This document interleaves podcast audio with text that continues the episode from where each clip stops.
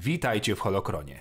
Dzisiaj dowiemy się nieco o organizacji zwanej jako Armia Światła, poznamy pokrótce jej historię oraz strukturę. Zapraszam. Armia Światła była legendarną siłą militarną założoną pod koniec nowych wojen Sithów przez Lorda Jedi Hoffa w celu zwalczenia machinacji Bractwa Ciemności, któremu przewodził Sith imieniem Skir Khan.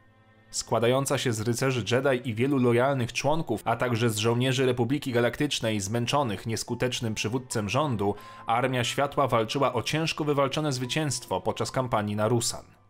Poznajmy jednak nieco lepiej historię powstania tej potęgi. Przez prawie tysiąclecia Republika Galaktyczna i Zakon Jedi cierpiały na skutek nieustających ataków ze strony nowego Imperium Sithów i sprzymierzonych z nim frakcji separatystów. Naciskając na terytoria Republiki, Sithom udało się przejąć kontrolę nad terytoriami zewnętrznych rubieży i nadal zbliżać się do światów środka. Gdy Republika straciła kontrolę nad całymi regionami kosmosu, rządni przygód rycerze Jedi ruszyli w galaktykę, oczyszczając całe systemy gwiezdne i sektory z mrocznych wpływów Sithów. Jedi wprowadzili pokój i zostali uznani za władców w wielu sektorach i układach. Trwało to całe wieki. Jednocześnie jednak powstała Rada Lordów, działająca niezależnie od Wielkiej Rady Jedi. Lordowie ci sprawowali władzę nad lokalnymi systemami i armiami.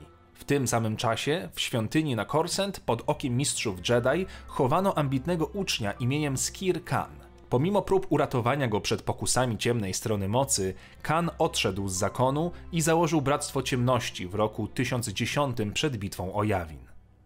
Zniesmaczony całkowitym niepowodzeniem Najwyższej Rady Jedi w kontrolowaniu Kana, władca świątyni Jedi, Lord Hoth, opuścił Korsent z grupą zwolenników i zebrał sztandary wszystkich lojalnych mu lordów Jedi. Wezwanie Hoffa do broni, cieszącego się wysoką reputacją wśród innych lordów, zostało natychmiast odebrane przez lordów Corelli, Kularin i Kamparas. Fala wezwań do broni osiągnęła swój szczyt, a Wielka Rada Zakonu ogłosiła, że wszyscy lordowie złożyli przysięgę lordowi Hoff i polecieli wspólnie pod sztandarem tzw. Tak Armii Światła. Dołączyła do nich część Armii Republiki, głównie w postaci żołnierzy rozgoryczonych nieudolnymi rządami Republiki. Hoff poprowadził swoją armię bezpośrednio na terytoria zewnętrznych rubieży, miażdżąc szereg twierdz Sithów. Lord Hoff flankował i metodycznie przejmował terytorium wroga. Lord Khan był w międzyczasie w stanie wzmocnić swoją centralną władzę i poprowadzić skoncentrowany atak na rdzeń galaktyki.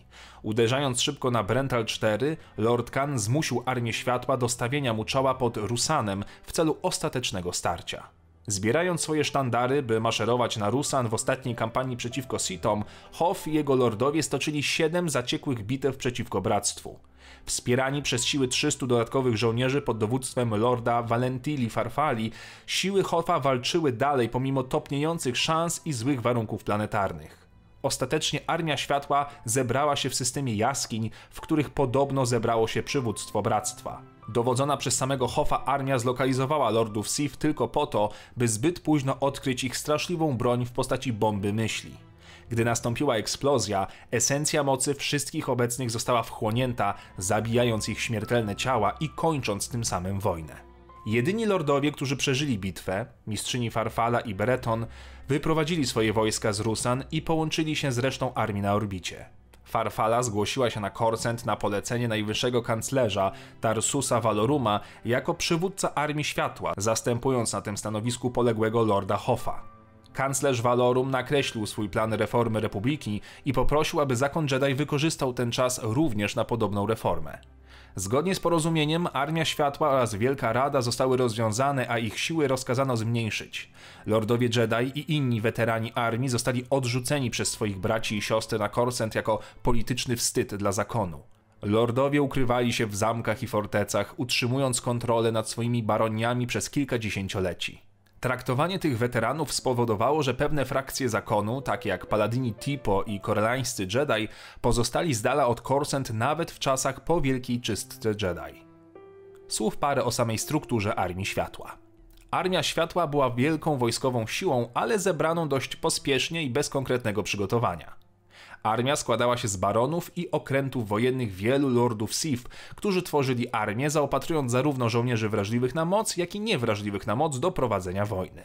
Siły armii składały się z siedmiu legionów światła, z którego każdy był dowodzony przez największego lorda zakonu Jedi. Każdy legion składał się z lojalnych rycerzy oraz wielu wodzów, wojowników i sług z różnych baronii. Pomimo prób ciągłej rekrutacji, armia bardzo ucierpiała podczas starć z bractwem. Do czasu siódmej bitwy pod Rusan armia ta była zaledwie bandą ubłoconych wojowników, nazywanych zresztą potem Armią Błota. Późniejsza eksplozja bomby myśli położyła kres marnym resztkom niegdyś wielkiej i dumnej potędze. Jak widać, wojna nie oszczędza nawet tak dzielnych i praworządnych wojowników jak rycerze Jedi. To wszystko w tym temacie. Dziękuję Wam za oglądanie. Dajcie znać w komentarzach, o czym zrobić kolejny odcinek. Wpadajcie na Discord. Dziękuję patronom za pomoc w tworzeniu kanału i niech moc zawsze będzie z Wami.